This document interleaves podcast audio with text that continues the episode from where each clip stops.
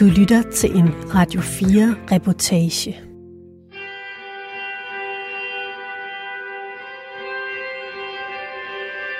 Tidligere, når jeg har tænkt over min, min fødsel, så, så har jeg haft det sådan, at det var, det var et mirakel, eller at der var et eller andet sådan overnaturligt, der, der spillede ind, og har været taknemmelig for det. Hvor jeg de senere par år har ligesom forsøgt at, at vende den om og tænkte, at det var, det var mig. Det var, det var mig, der var årsag til, at jeg overlevede. Det har faktisk været sådan en bølgedal, fra han blev født. Virkelig dommedagsprofetier af lægerne og så videre. Og så efter øh, kort tid øh, blev de enige om, at han mere eller mindre var et mirakel. Christoffer kom livløs til verden. Der gik 8 minutter, før han begyndte at trække vejret. Det giver mig en styrke. Det giver mig en styrke til, hvis jeg på en eller anden måde har kunne vende livet tilbage, jamen så kan jeg, så kan jeg alt. Mit navn er Katrine Hedegaard, og denne udsendelse er en del af en lille serie på to afsnit, hvor jeg giver ordet til to unge mænd med en mission, som jeg mener er vigtig. Hvis du ligesom mig har et handicap, så er mit budskab til dig, at det er dig, der er din egen ekspert. Det er dig, der langt hen ad vejen ved bedst. Det ligesom er dig, der, der kan træffe de bedste beslutninger. I slutningen af januar 2021 vil du kunne møde Peter i en reportage her på Radio 4. De næste 53 minutter dedikerer jeg til Christoffer, og du kan nu komme med ind i hans verden. Du lytter til reportagen Fra skindød til uovervindelig. Jeg hedder Christoffer Greve Fesenfeldt, og nu vil jeg gerne fortælle min historie. Jeg har jo ikke, jeg har, jeg har lige købt tre plader selv. Og det er Dire Straits, Lana Del Rey og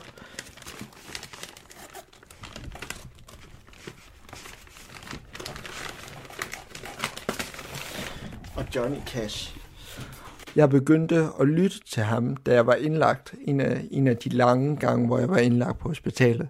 Der spillede min far øh, noget musik for ham øh, og fortalte historier om, hvem Johnny Cash var. Øh, og han har på en eller anden måde haft, haft en betydning øh, for mig. Det sjove er, selvom, selvom jeg hører det, så er det mere hans historie, hans, som også er lidt den der, at han er kommet tilbage. Han har, han har også, ligesom mig selv, været, været langt nede og mod alle os hævet, hævet sig selv op. Og det, det, det taler selvfølgelig til, til mig. Da jeg var 8, var jeg i sommerhus med mine forældre og min lille søster.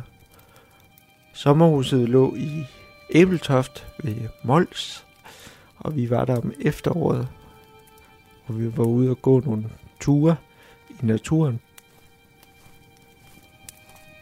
Og på en af vores ture, der begyndte jeg at få, få ondt i ryggen på en måde, som, som jeg ikke havde oplevet før.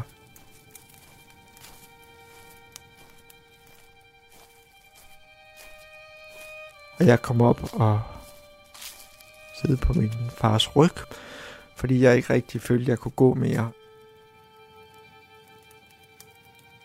Og Vi kom tilbage til sommerhuset, og jeg fik slappet af. Og så prøvede vi at, at gå igen dagen efter. Og der skete det samme. Jeg fik meget ondt i ryggen, og vi blev bekymrede. Så da, jeg, da vi kom hjem, tog vi ind på Skyby sygehus for at få, få det tjekket. Og det var ligesom starten på et, øh, på et månedslangt indlæggelsesforløb på Skyby sygehus, hvor jeg fik diagnosen dystoni.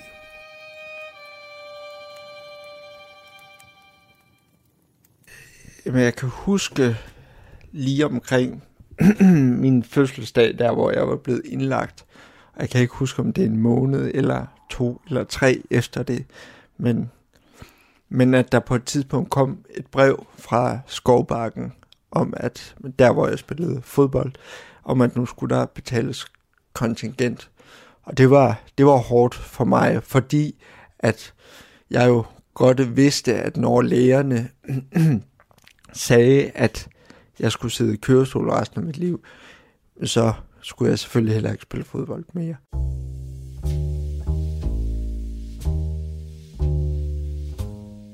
Jeg står øh, ude ved, øh, foran Vejlby Rigskovhallen, som er min gamle hjemmebane fra dengang jeg spillede, spillede fodbold, både, øh, både indendørs og udendørs. Så her har jeg løbet rundt og spillet fodbold øh, mange gange.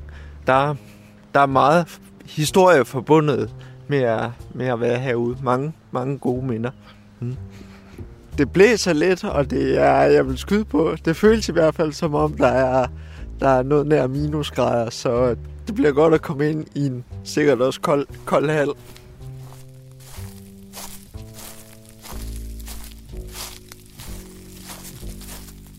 Dystoni, det betyder ufrivillige spændinger, og det vil simpelthen sige, at min hjerne, den øh, sender nogle forkerte signaler ned til mine muskler i nakke, skulder og ryg, for mit vedkommende, om at de skal spænde op, når jeg egentlig gerne vil have dem til at spænde af igen. Så at det kræver noget ekstra for mig at få dem til at slappe af.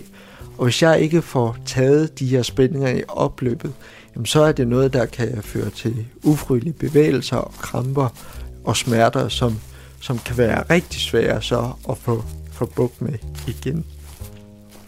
Der var meget tvivl om min sygdom. Der var ikke tvivl om, at jeg havde dystoni, men den måde, jeg havde det på, havde lægerne svært ved på en eller anden måde at, at vurdere eller sige, jamen det er, det er sådan her.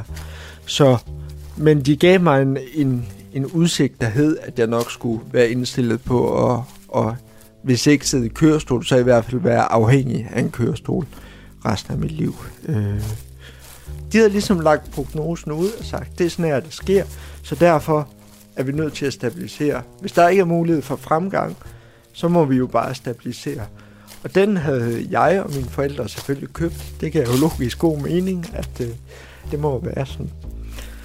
For en dreng, som hvis største drøm var at blive den nye Peter Michael, så var det selvfølgelig en, en, en hård en at sluge. Så mine bekymringer gik fra, om Johan kunne lege på, på næste søndag, til om jeg ville kunne tage en uddannelse, om jeg ville kunne bo alene, om jeg ville kunne gå igen, spille fodbold igen.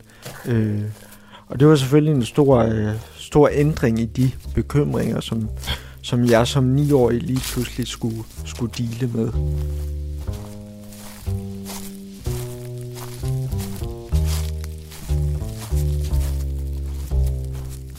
Jamen nu er det faktisk mange, mange år siden, jeg har været her, så det er, det er lidt specielt faktisk. Og, og bare det at kunne se, se navnet Vejl, Vejlby Rigskov Hallen stå på hallen, det, det, er lidt, det er lidt specielt at, altså, at gå gennem den her passage, hvor jeg også kan huske, at vi har, vi har kravlet rundt på det der, de der skilte og sådan noget, når vi ventede på træneren, eller lige var færdige med, med træninger. Så, så det er da specielt, og det, altså, på den ene side er det forbundet med, med rigtig mange gode minder, øh, men på den anden side, så, så er det også en påmindelse om øh, noget af det, jeg ligesom har mistet, eller ligesom er gået, gået glip af øh, på, på grund af min sygdom. Og nu vil jeg gå ind og se.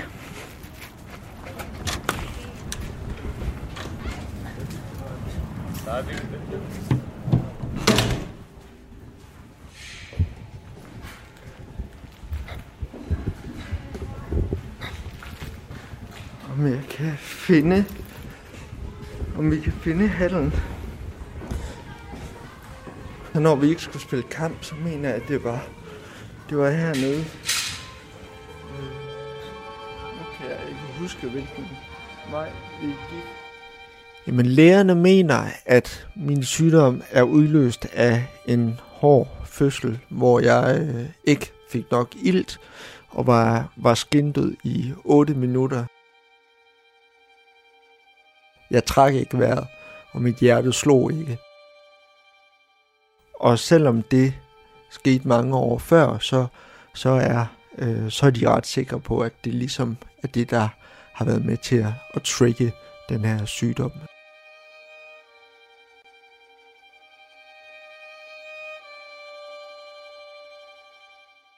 Jamen, jeg hedder Michael Fesenfeldt, øh, og jeg er far til Christoffer.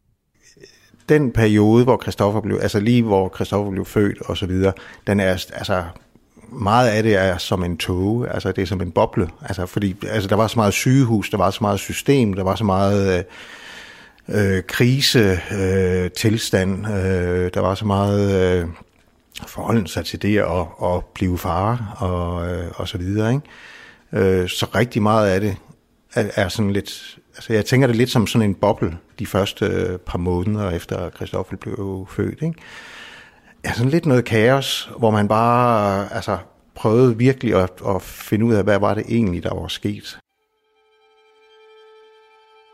Det var en, en rigtig, rigtig lang fødsel, nogle af 30 timer, så vidt jeg husker der var øh, flere forskellige ting, der gik galt, blandt andet noget med, med øh, måling af, af hans hjerterytme og sådan noget, som et, et apparat, som ikke rigtig fungerede, og en, en jordmor, som ikke rigtig var observant, og øh, et travlhed på afdelingen, og øh, ja, mange forskellige ting. Øh, og så klokken, jeg, nu kan jeg, ikke, jeg kan ikke helt huske det, men om, jeg tror ved syvtiden eller otte-tiden eller et eller andet, ikke, så, er der, så er der vagtskifte med jordmoren, og der kommer så vores, øh, hende jordmoren, som vi har gået til konsultation hos, hun kommer så ind, så hun er jo sådan lidt, altså hun kendte sig, altså Heidi og mig og sådan noget, ikke, og havde fulgt os. Og hun råbte alarm, altså stort set fem minutter efter hun kom ind, ikke, så det her, det er helt galt, og ja. Jamen, og så, så kommer, kommer vi jo, altså så, og så går alt det her jo i gang, ikke, altså med øh, læger og altså, altså hele menageriet, jeg tror der stod fem, seks læger og, og jordmøder rundt om Heidi, og jeg stod og holdt hende i hånden, og øh, han blev taget ud med tang. Og, og jeg kunne bare mærke på hele stemningen, jeg stod og prøvede at snakke med Heidi, og sådan, jeg kunne bare mærke på hele stemningen, okay, det er ikke godt det her. Og det viser så, at han, altså, han har jo simpelthen han har ligget derinde og været livløs, og er livløs, da han kommer ud så tager de ham væk ret, altså med det samme, simpelthen ikke tre øh, læger, som tager ham med over på et bord lige ved siden af, og giver ham øh, hjertemassage. Efter et eller andet antal minutter, hvor de egentlig er ved at give op og sige, okay, der er ikke noget at gøre, og, og nu bliver vi nødt til at stoppe, øh, så er der så en af dem, som øh, Øh, som siger, at han er, øh, altså han, han, han kører, altså jeg ved ikke, altså han, han, med voksne har han tidligere givet øh, den, en insulin, øh, er det ikke, nej, jo er det insulin, sprøjte direkte i hjertet, jeg tror det er insulin, det kan jeg ikke huske, øh, sprøjte direkte i hjertet, og det har hjulpet nogle gange, det har været sådan lidt, men, men, men det der med, altså, vi har jo med et, et lille, lille bitte barn på 3 kilo at gøre, ikke? så det turde han simpelthen ikke. Og så er der en, en læge, som hedder Rune Næo, som, som vælger at, at prøve altså med den her øh, sprøjte øh, direkte i hjernet. Og, og det, det lykkes så.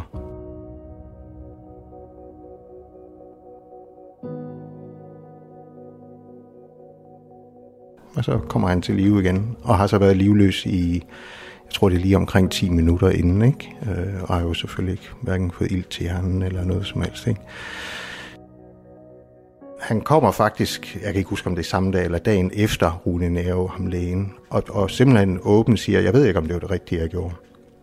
Øh, fordi at, at de jo ikke vidste, hvad prognoserne var, og, og sandsynligheden af, han, at, at var, at, at Christoffer godt kunne blive en grøntsag, ikke? Jeg kan huske, jeg har siden læst hele den der, hvad hedder det, journal øh, fra hospitalet. Og, og der er det jo sådan simpelthen gengivet nærmest per time, hvordan de har observeret og sutte reflekser og, og alt sådan noget her. Ikke? Og, og det er inden for de, ja, det ved jeg ikke, måske tre dage eller sådan et eller andet. Ikke? Altså, så begynder han faktisk, øh, i starten med han slet ikke tage mælk ved Heidi, og han ligger helt, helt, helt forkrampet og de har øh, fuldstændig bedøvet ham med finemal, øh, sådan et, et meget stærkt bedøvelsesmiddel. Og så kan de se det her med, at øh, jeg mener det først, det er, er sutereflekser og sådan noget, at han begynder faktisk at, at, at ville tage bryst og sådan noget, ikke? Og, og de, hvor de er mega overraskede, og øh, og begynder sådan at ville prøve at, at trappe ham ud af, af det her fenomenal og masser af andre ting, som de også har prøvet hjemme, ikke? Øh, men er også nervøse for det, fordi at det der med, fordi han er så forkrampet, så de, altså, så de øh, er simpelthen nervøse for, at han går i fuldstændig spasme, hvis, hvis de tager det her væk fra ham, ikke? Men de kan bare tage det væk, og, og så er Christoffer faktisk, øh, ja, øh, han er stiv i det, altså i kroppen, i ledene og sådan noget, ikke? Men, men slet ikke på den der forkrampede måde, som, som de havde frygtet. Og jeg kan huske, øh, altså der er, en, der er en læge, som ikke har set Christoffer før, og som kommer, ja det ved jeg ikke, det er måske 3-4 dage inden i forløbet eller sådan noget, ikke? Og hvor han, hvor han øh, har siddet ude i, i sådan et lille rum, de har en, øh, altså ikke inde ved stuen, men, men og har læst øh, Christoffers øh, journal og hvad der er sket, og kommer ind til os øh, og, kigger på Christoffer. Øh, ja, og, og siger simpelthen bare, at jeg, jeg kan simpelthen ikke få det her til at passe sammen. Altså, ja. Og så gik der jo så de der 8-9 år, før der så begyndte at, at melde sig nogle symptomer, ikke?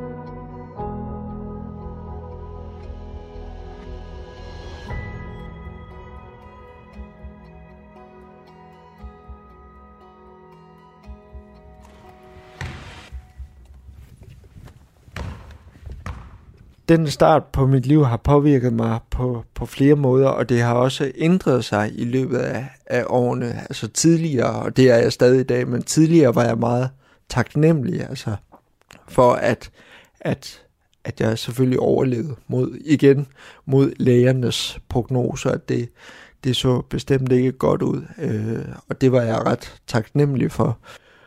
Nu er jeg ved at få den vendt, og jeg har ingen medicinske beviser for det eller noget, men nu er jeg ved at få den vendt til, at det var mig, der gjorde det.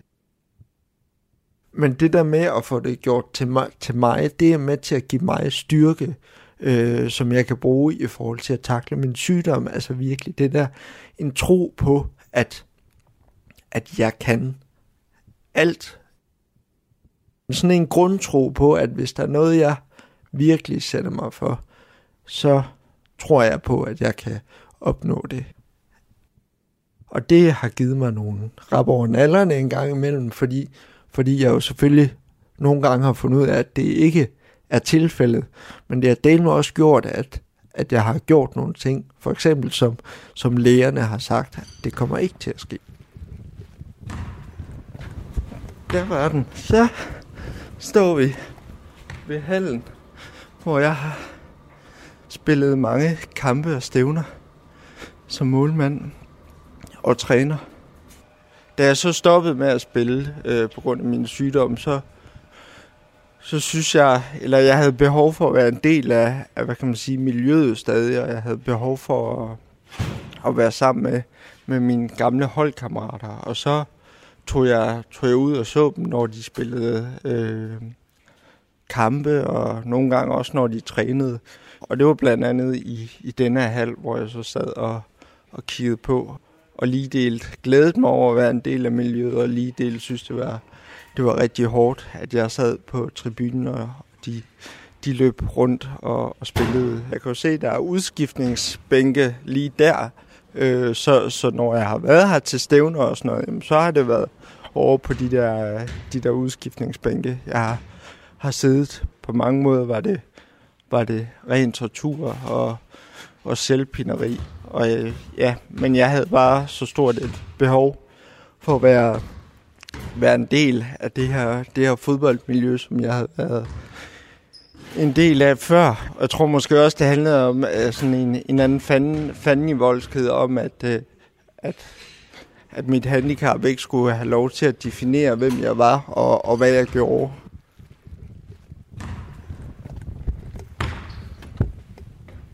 Da jeg var 14, der øh, fik jeg en ny fysioterapeut, som, som vi i dag hjemme hos mig kalder, kalder for mirakelfysen.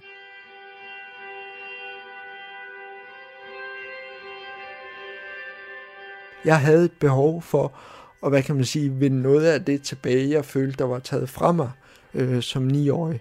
Og det, der har hun været, været sådan den absolut bedste faglige sparringspartner, jeg overhovedet kunne drømme om. Hun kom ind og ligesom tændte den gnist, som hele tiden havde ligget ulmet hos mig, men den var bare ikke blevet fodret endnu, for, fordi at, at andre øh, fysioterapeuter, læger og sådan noget, havde, havde givet mig nogle andre prognoser, end det hun kom med. Og det var bare ligesom om, altså nærmest, at hun på en eller anden måde bare smed en molotov-cocktail på det bål, der, der ligesom lå og var klar til at, at stikke fuldstændig af. Ret hurtigt, så var hun, øh, så spurgte hun, hvad er det, du har lyst til? Hvad, hvad er du mest træt af, at du ikke kan? Er der noget, du savner? Jeg vil gerne op og gå noget mere. Jeg vil gerne kunne øh, lave mad, tror jeg faktisk var noget af det. Altså, jeg vil gerne øh, kunne, kunne noget mere med mine hænder, og jeg vil gerne kunne gå længere distancer, før jeg bliver træt. Og det var jo nogle, for mig var det nogle store mål. Og så var det jo også klart, at så kommer jeg jo, så kommer jeg jo ikke sovende til det. Altså, så kommer jeg ikke, så opnår jeg ikke de mål ved bare at lave fire mavebøjninger eller sådan noget. Så, så, så skal der også være handling bag ordene. Der klikkede vi virkelig ind i et samarbejde, hvor jeg så begyndte at kunne se, hey, vi stabiliserer jo ikke bare, vi forbedrer, og vi forbedrer hurtigt og effektivt. Og det her med, at det var mine mål, det var lige præcis de problemer, jeg påpegede, der var de problemer, vi løste. Og det var en stor ting for mig hvor jeg havde været vant til, at hvis der skulle sættes nogle mål, jamen, så kunne det være spørgsmålet, kunne du ikke godt tænke dig det her? Og så siger man, jeg kunne jo godt tænke, tænke mig alt igen, kan man sige. Men hvis det ikke var min egne mål, så var motivationen der bare ikke. Efter, efter vi havde arbejdet med, med rigtig mange mål, hvor, hvor jeg virkelig følte, følte, at det kørte, og hele tiden små forbedringer, så kan jeg huske en, øh, en dag i, øh, i februar måned, hvor jeg gik i, i 9. klasse. Det, var, det har så været cirka to år efter, jeg har fået hende som, som fys, hvor vi igen snakkede om, om mål, og, og hvad er det? Hvad, hvad vil du gerne nu? Og der kan jeg huske, jeg sagde mest af alt som en joke, at jeg vil, jeg vil gerne spille fodbold. Jeg vil gerne have lov til at spille fodbold igen. Det er virkelig noget, jeg godt kunne tænke mig og netop at bruge noget af min energi på. Og jeg havde, jeg tænkte bare, at det var en joke, og så, det var for sjov, og så ville hun sige, hvad, hvad kunne du i virkeligheden godt tænke dig, eller et alvorligt bud. Og hendes svar, det var, altså, som, som hun altid øh, siger, fint, hvad skal der til, for at det kan lade sig gøre. Og det var i februar måned, og i, i maj måned, er det tre, tre måneder efter, da 9. klasserne så havde sidste skoledag, hvor vi skulle øh, traditionen var, at vi skulle spille mod lærerne, jamen der havde jeg faktisk fået lov til at af fysen til at stå inde i målet og spille den her fodboldkamp. Og det var, altså, jeg fik kæmpe gåsehud af at stå derinde. Det der med, at noget lægerne så, hvad kan man sige, kontant har sagt, det kommer ikke til at ske. Det skete faktisk. Jeg er ret imponeret af, af mig selv over, over det, jeg ligesom øh, har formået at gøre. Jeg har været ude og få holde oplæg til, på ergoterapeutuddannelsen, om man en god behandler skal kunne. Jeg havde en oplevelse, øh, da jeg var ude og fortælle øh, til en øh, gruppe af unge med handicap, hvor øh, de har været en 8, 9, 10 år, så deromkring, hvor jeg selv blev syg. Og jeg kom ind øh, og skulle fortælle, og de var meget generede alle sammen, og der var en, der startede med at række hånden op og sagde, jeg vil bare lige sige, jeg siger ikke noget, mens du er her. Og, og det var min første gang, jeg var ude og fortælle, så jeg blev også lidt, nå, jamen, presser jeg på med noget, de egentlig ikke har lyst til. Og, så jeg prøvede at tale lidt generelt. Og så havde de forberedt nogle spørgsmål. Og der var en, der var en pige, hun var, hun var ikke ret gammel, og hun, sad, hun havde ikke sagt noget som helst. Hun sad og kiggede meget ned, øh, og hun havde så forberedt et spørgsmål, men hun kunne ikke hun kunne ikke få sig selv til at stille det, så det måtte en af de voksne spørge om. Så hendes spørgsmål, det var, øh, om, om min sygdom var blevet bedre. Og det fortalte jeg sådan i, i korte træk, at ja, det var den, men at det også var, fordi jeg havde lagt så meget energi i det, og knoklet for det, og, og hun nikkede, altså et, et svagt nik. Og da vi så var færdige, øh, så bliver hun så fuldt ud af en af de voksne, der er med. Og da hun, hun ser sin mor, så løber hun hen til sin mor og siger, mor, mor, det bliver bedre, det bliver bedre. Det var ligesom der, jeg vidste, at det her, det skal jeg, og det skal jeg, det skal jeg blive ved med, fordi det, det gav så meget mening.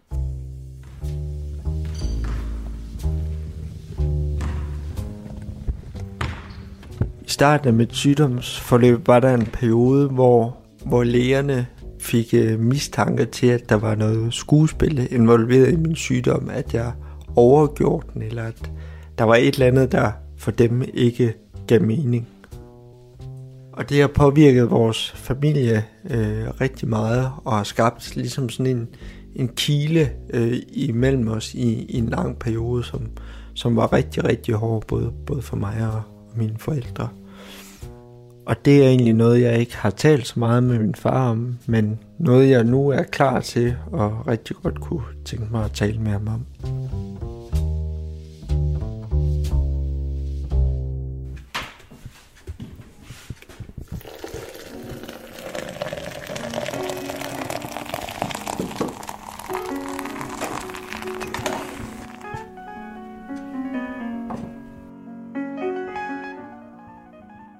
Jeg står simpelthen lige og er ved at lave noget kaffe, og skal hælde nogle glutenfri kanelhjerter op, fordi det er sådan lidt, lidt julehygge her. Og glutenfri, fordi Christoffer, jamen, ja, og det er altså faktisk som en del af alle hans forsøg på at finde ting, der kan påvirke hans sygdom i positiv retning, også øh, at holde op med at spise gluten. Tænker, at det måske også kan gøre noget godt. Så så når Christoffer kommer, så, så spiser han glutenfri. Den kunne vi godt tåle til en afkaldning. Ja, så, øh, men jeg tror, han er lige på trapperne, og, så, og jeg er faktisk, jeg er også lidt spændt på, og lidt, lidt nysgerrig på, hvad vi sådan helt konkret skal snakke om.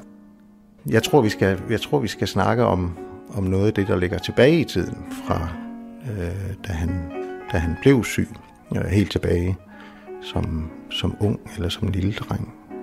Så jeg skal have hældt nogle øh, småkager op, inden han kommer, så vi, øh, så vi kan have lidt julehyggestemning, når han træder ind ad døren. Jeg tror, han bliver glad for de her glutenfri kager. Han er altid så glad, når man husker det. Og det kan jeg også godt forstå.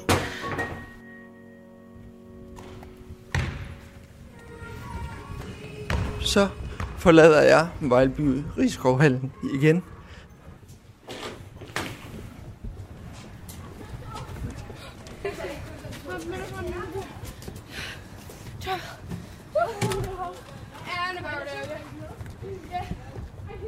Det var overraskende specielt at, at besøge hallen. Altså det, det var som sagt mange år siden, så jeg havde ikke forventet, at det, at det stadig ville have den betydning, som, som, som jeg synes, det havde. Også bare det der med at stå inde i, i målet. At det, det tror jeg ikke, jeg har gjort, siden jeg, siden jeg spillede.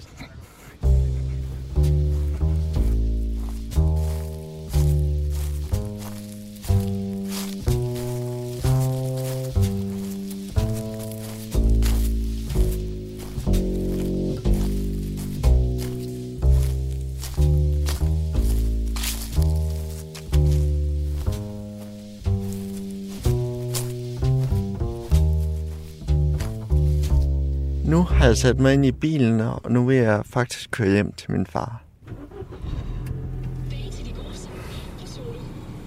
Han betyder rigtig meget for mig, øh, og jeg, øh, jeg, jeg er meget taknemmelig for, for det, det forhold, vi har. Øh, vi respekterer hinanden og også ved, hvor, hvor vi har hinanden, og, og jeg føler, at jeg kan, kan sige alt til min far, og at vi, vi, kan, vi kan snakke om alt.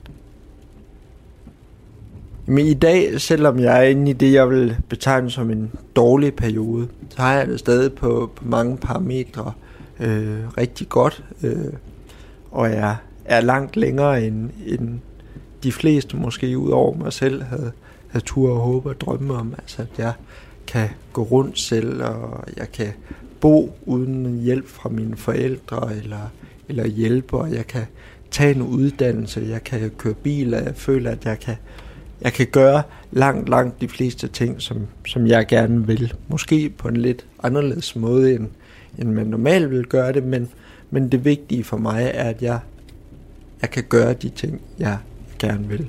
Og det kan jeg i langt de fleste tilfælde, og det er, det er jeg meget taknemmelig og, og stolt over. Nu vil jeg gå ind og sige hej.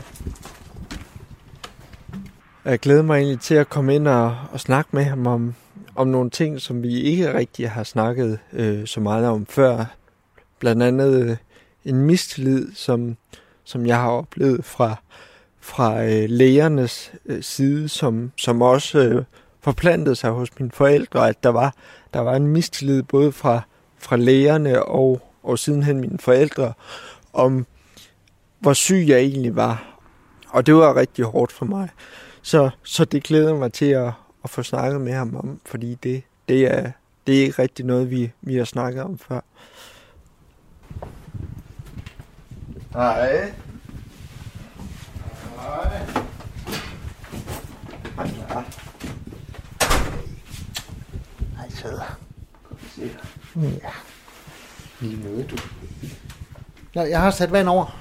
til. Nå nej, altså sat vand over på bordet. Til kartofler? Ja. Ja. Og så er der simpelthen kommet julekager og julechokolade. Det var da dejligt. Ja. Ja, det er jeg spændt på. Og jeg, jeg tror bare, det er mandler med chokolade.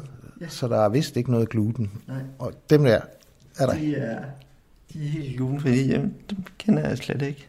Dem kender du ikke? Nej. Nå. Nu er det jo ved at være længe siden, vi har, vi har spillet skak, så jeg tænkte, om vi ikke skulle have et spil. Ja, det er faktisk rigtig længe siden. Er du sindssygt længe siden? Og jeg har holdt form med lige. Jeg ved ikke med dig. Overhovedet ikke. Hvad er det, du lige skal forklare mig reglerne? Ja.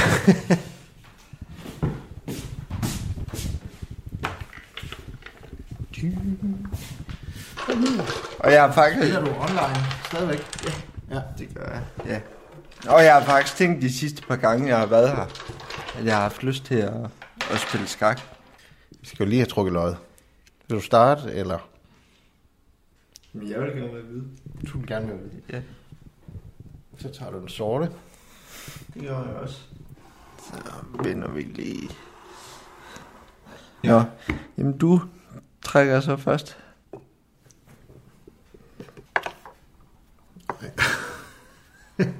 Kan du huske, hvad det Ja, det er helt sort, ja. Jeg har jo al, altid været, været glad for skak, og jeg kan ikke engang huske, hvornår vi begyndte at spille, spille skak. Hvor gammel? Jeg har ikke været ret gammel, som jeg lige husker det. Øh, Nej, det er meget lille. Øh, ja, pas 5-6 år, vil jeg tro. Ja. Og så blev du jo bare sådan lidt mere, så blev det mere og mere fodbold, ikke? Det, var- det var vidderligt sådan, at så glæde det meste andet i, i baggrunden, at, og, og inklusiv skakken. Og det, er jo- altså, og det er jo også lidt pudsigt, altså, fordi man kan jo faktisk se tilbage, ikke? Altså lidt følge dit sygdomsforløb der også, ikke? Det der med allerede før du blev ni, eller du blev indlagt, ikke? Altså der, du var jo, hvad hedder det, hvad, jeg, jeg ved ikke, hvad sådan noget hedder, banespiller. hvad hedder sådan noget? Altså, og så markspiller jeg, ja, lige præcis. Først, ikke? Og så, som jeg husker, så havde du faktisk, du havde besvær med at, at løbe så meget, ikke? Nå. Og så kom du i mål, Ja, og så stod du i mål, og så fik du jo faktisk problemer med at sparke bolden ud også. ja, det kan jeg godt huske. Ja. Ja, det var jo inden du sådan for alvor blev syg, ikke? Hvad, hvad, hvad tænkte du, det var? Jeg ved simpelthen ikke, om det er bagklogskabens klare lys eller et eller andet, men jeg bildte mig ind, at jeg faktisk var lidt bekymret. Mm. Altså man kan sige, helt tilbage fra fødslen, så var der jo grovmotoriske vanskeligheder. Ikke? Altså du havde lidt med, med fødderne og med benene, du var lidt stiv i, i anklerne og læggene og så videre. Ikke? Så der har jo hele tiden været en lille smule. Ikke? Og så tror jeg bare, at jeg sådan har på den ene side været lidt, lidt bekymret sådan, og, og skubbet det væk. Altså det er også sådan, det er sådan en meget god ting at kunne fortrænge nogle gange. Ikke? Altså det der, hvad er det egentlig, ja, Ja. hvad er det egentlig, der sker foran næsen på dig? Ikke? Så, så jeg har ikke sådan, øh, det, det, jeg tænker, det er sådan mest i bagklogskabens lys, at man sådan kan lave den der linje der, ikke? Og, og følge din sygdom lige så stille i udviklingen, ja. før vi er rigtig opmærksom på det, ikke? Altså derefter vi, vi flyttede til Hjortøj, hvor altså efter, efter sygdommen og sådan noget, hvor jeg jo tog, som jeg i hvert fald husker det, både tog med de gamle fodboldgutter ud og så stævner, når de var ude at spille, men også øh, mere sådan, hvad kan man sige, i hverdagen, når mine klassekammerater, de var, de var nede og træne, både træne og når de var ude og spille kamp. Altså jeg, jeg udnyttede jo stort set alle mulige øh, muligheder, jeg havde for, for at komme til at være en del af det her fodboldmiljø. Og det, og det er jo selv godt klar over, øh, i hvert fald nu, men også dengang, at det var, det var hårdt. Altså det, det var på en eller anden måde at, at pine mig selv, altså at, stå, lidt ligesom at stå lige ude foran en slikbutik, og du ved udmærket godt, du ikke må, må få noget, men du stiller dig bare alligevel, bare lige for, for at dufte. Altså, at hvordan oplevede, hvordan oplevede du det? Hvordan havde du det med det? Jeg synes, det var mega svært. Altså, jeg, altså ja, det var, det var hårdt, og, og, og altså det med, som, som forældre, så forventes man også et eller andet sted at, at støtte op og, og, og, og bære sine børn frem på en eller anden måde, ikke? Altså, det er jo det, man helst vil. Øh, så jeg havde da også bare lyst til at, at støtte op om dig og dit fodbold og så videre. Og samtidig så kunne jeg jo bare se, at, at det funkede ikke. Altså, og, og, og, og du kunne ikke, og at det var hårdt for dig også.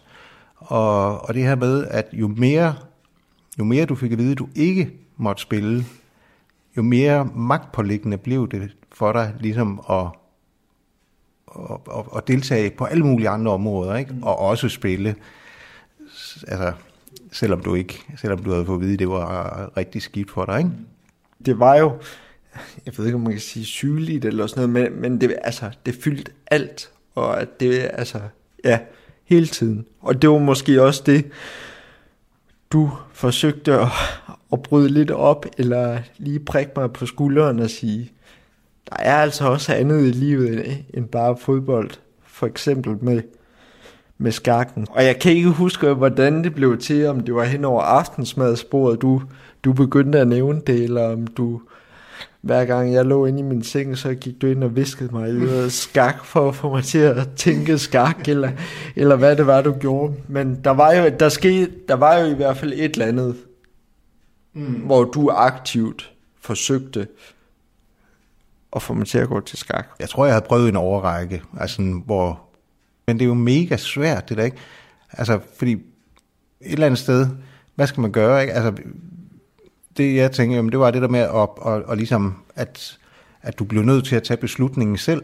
Alternativt så skulle jeg gå ind og rive tæppet væk under dig og sige, færdig, du kommer aldrig mere til at spille fodbold, du bliver aldrig fodboldspiller, sådan er det, mm. også, som øh, 10-11-årig. Men, men samtidig kunne jeg jo også bare se, og vi kunne se, at, at du havde jo alt muligt andet at bakse med, ikke? Altså hele det her med, pludselig at skulle forholde dig til at sidde i kørestol og, og være handicappet og alt sådan noget der, ikke? Så samtidig også at skulle gå ind, altså det var også det samme lidt med at, at flytte herud, ikke? Altså det der med, at det var som om, at du havde sgu dit at se ikke? Det var hårdt nok for dig. Og, og så var det jo så, jeg ligesom valgt den her strategi med at, at, at jeg tror det hedder notching, ja.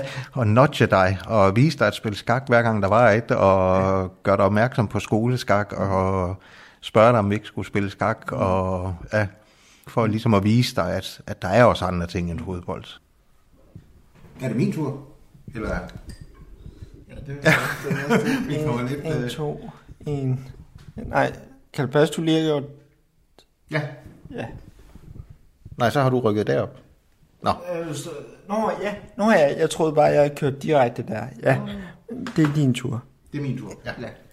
I forhold til den her snak, vi har nu her om, om de her ting, og hvor vi hvor vi gennemgår og, og, og snakker om, og måden, vi har taklet det her sammen på og sådan noget, så, så tænker jeg også noget, der som har fyldt meget for mig, eller for os jo, som jeg i hvert fald ser som, som vores største udfordring øh, som, som familie i, i forbindelse med, med sygdommen, det var, det var den mistillid, som, som lægerne og, og sygeplejerskerne på, på Skyby, de ligesom fik, fik sat ind imellem os som, som en kæmpestor kile.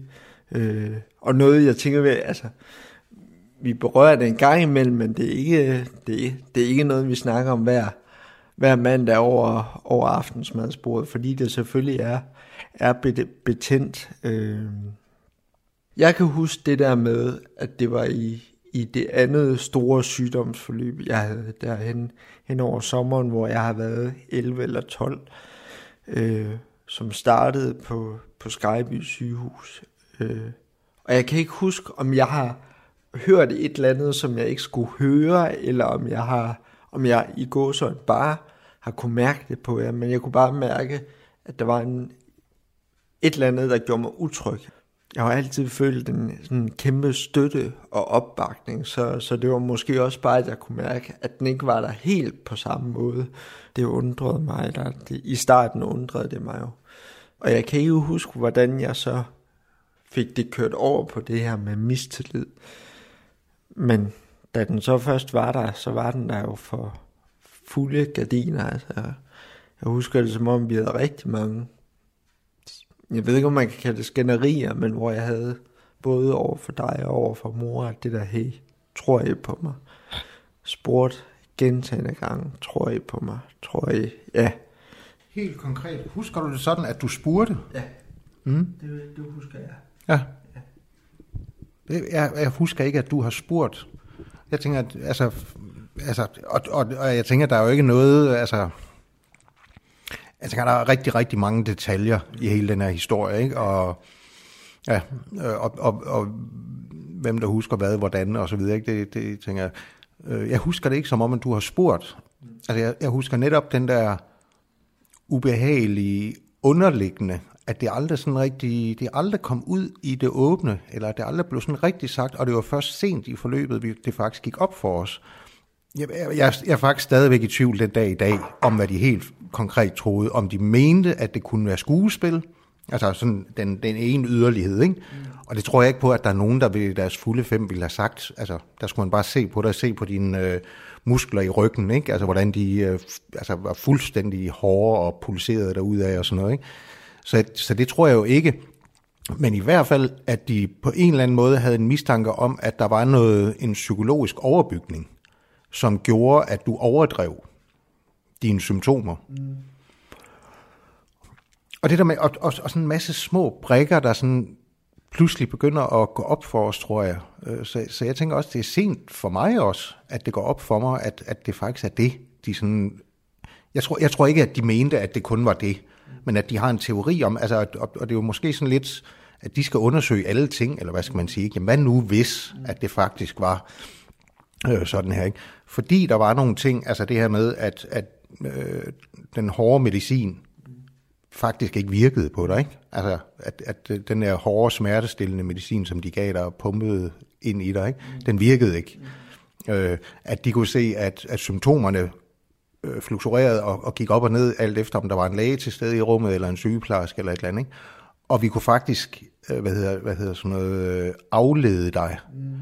Så du er ikke symptomfri, men, men det, det var en kraftig bedring. Og det kan man sige, altså, hvis man ikke lige ved bedre, ikke? okay, det er sgu da et underligt symptombillede. Ja. Og så er der jo nogen, der har, om, de, altså om det er en læge eller en sygeplejerske, eller hvem det er, altså så er de tænkt et eller andet med, at det må vi undersøge det her. Er der et eller andet, en, en psykologisk overbygning, som gør, at, at det faktisk ikke er det rigtige, vi ser? Eller hvad skal man sige, ikke? Ja, og så det, og det har de tjekket på forskellige måder, uden vores vidne. Men de spurgte, de spurgte jer på et tidspunkt, altså, og det kan jeg ikke huske, men det er jeg næsten sikker på, at der er blevet sagt, de spurgte jer på et tidspunkt, om de måtte skifte stesoliden ud, som de pumpede ind, når jeg skulle sove med vand, og se, hvad der skete. Ja. Ja. ja. Så, men jeg tænker så allerede der, og det var jo på Skyby, mm. så allerede der, ja. uden at sige det til mig, så er der jo i hvert fald en anden form for mistillid ja. til mig. Af den ene eller den anden grund, at jeg skulle ikke have at vide, at I lavede nogle ting, mm. øh, nogle bestemte ting, for at afsøge nogle muligheder. Ja. Øh, Og, det, og, og som jeg lige husker det, så faldt jeg i søvn, selvom der blev sprøjtet vand ind. Så det, så det har jo, det har jo sikkert bare bestyrket, i hvert fald lægerne med øh, mistanke, men, men muligvis også, nu skal jeg ikke lægge ord i munden på dig, men, men, men jeg tænker, at der også er sket, at I må, også må have tænkt noget, fordi ja, det var jo et mærkeligt forløb. Ja, altså, det, Men det er jo, jeg, har jo, jeg har jo set det samme som lægerne og sygeplejerskerne, det der, i det der symptombillede øh, af de her symptomer, som kunne fluktuere og sådan noget. Ikke? Og selvfølgelig har jeg da også tænkt, hvad handler det her om, ikke? Mm. Altså, og hvorfor er det... Altså, jeg har brugt sindssygt mange timer på at aflede dig. Mm. Altså, hold op, vi spillede Playstation, og hold op, vi spillede alt muligt andet, og legede, og pjattede, og jeg fortalte historier, og hvad ved jeg, og så videre, ikke? Mm. For at aflede, ikke? Mm. Og selvfølgelig har jeg da også tænkt, mm, altså, altså hvis, det er ren, hvis det er en ren fysisk, biologisk, altså en eller anden kemisk syge, altså i din krop, der gør det her, ikke? hvorfor kan jeg så aflede den ved at fortælle sjove historier, eller ved at lave øh, tand og fjæs, ikke? Mm. Så selvfølgelig, ja. Jeg tror, at den, altså det har aldrig været sådan, at vi har tænkt, du spiller rent skuespil. Nej. Overhovedet ikke. Men, men må jeg, kan jeg kun tale for mig selv, jeg har da tænkt det der med, altså hvor meget fylder det der lag, som handler om, at, at vi kan aflede det, eller som er en, en psykologisk overbygning. Ikke? Hvor, meget, hvor meget fylder det egentlig, og hvorfor er det der? Ikke? Altså, hvorfor er det der? Jeg blev også bange for at blive afledt, for, fordi, og jeg ved ikke, hvordan mm. jeg har fået det ind i hovedet, men der er jo lidt rigtigt over det, at jeg følte, at det var for at, så kunne I sige, se, se hvad der sker. Så jeg kan huske, at jeg når vi hyggede, når vi især de der, når vi spillede Playstation, altså jeg kan huske, og det, og det var det, der gjorde det endnu mere mudret, at jeg huske mig selv på, at jeg, nu, skulle jeg, nu skulle jeg sige af, eller nu skulle jeg lige, altså for ligesom at overbevise om.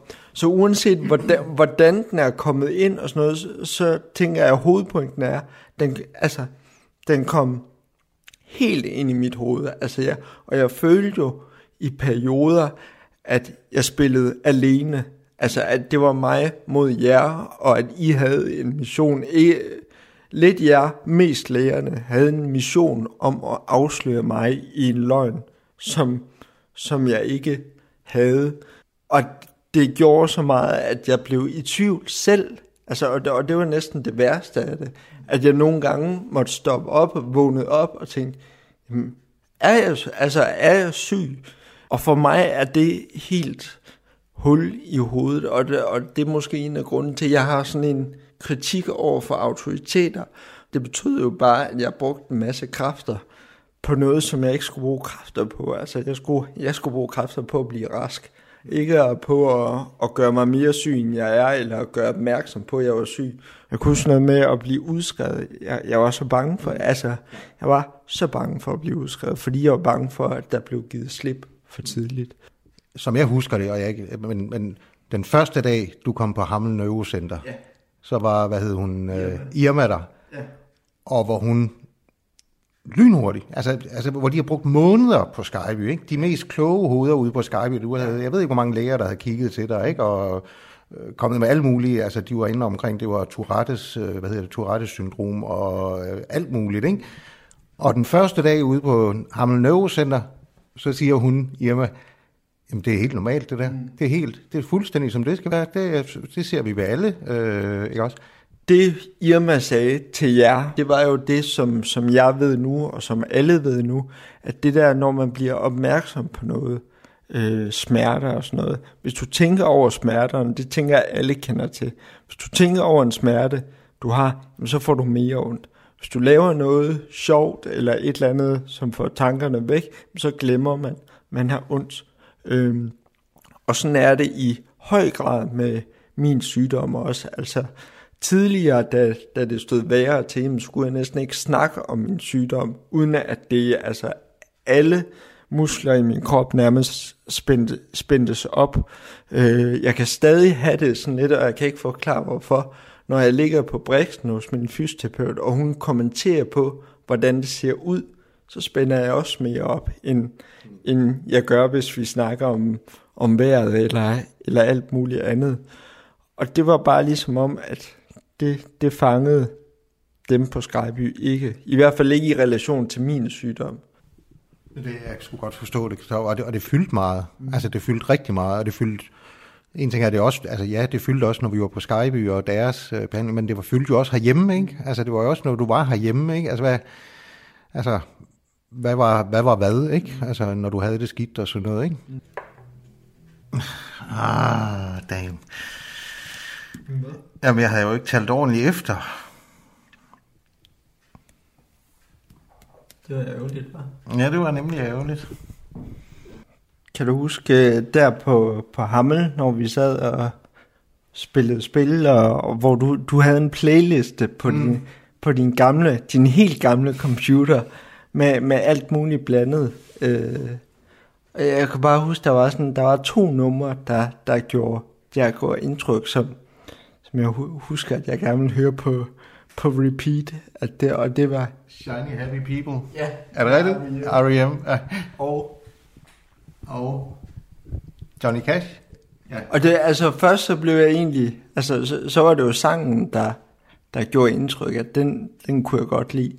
Men, men senere, altså så begyndte du også, jeg tror fordi jeg, jeg synes sangen var god, så begyndte du også at fortælle en del om Johnny Cash, kan jeg huske, at det der, hvem han var, og, og hvordan han havde levet, og at vi så, først så vi en dokumentar og så kan jeg huske, at på, på en af mine fødselsdage, at jeg så fik Walk the Line som, uh, som DVD, hvor, hvor vi også sad og, og så den, og ja.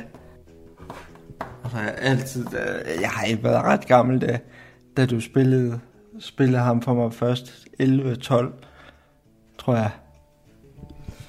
Det er dig. Nej. Jo. Jo. Mm.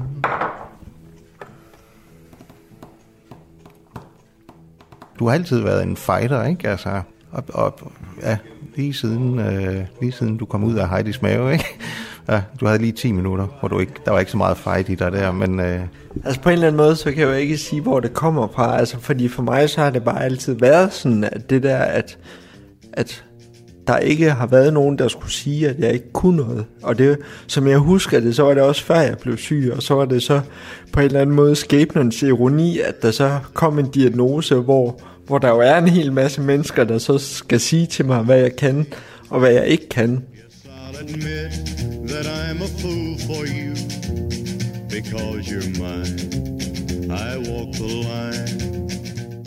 Hvis du ligesom mig har det handicap, så er mit budskab til dig, at det er dig, der er din egen ekspert. Det er dig, der langt hen ad vejen ved bedst. Det er ligesom er dig, der, der kan træffe de bedste beslutninger.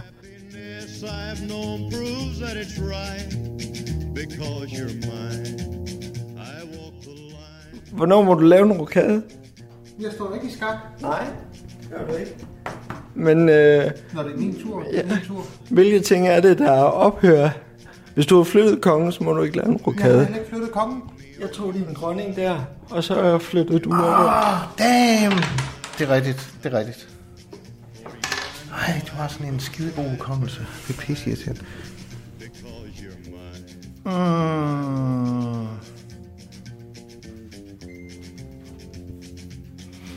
Tid. Yes. Nej, nej, yes. Ej. Godt. Tak for spillet. Tak for spillet. Ej. Det var godt.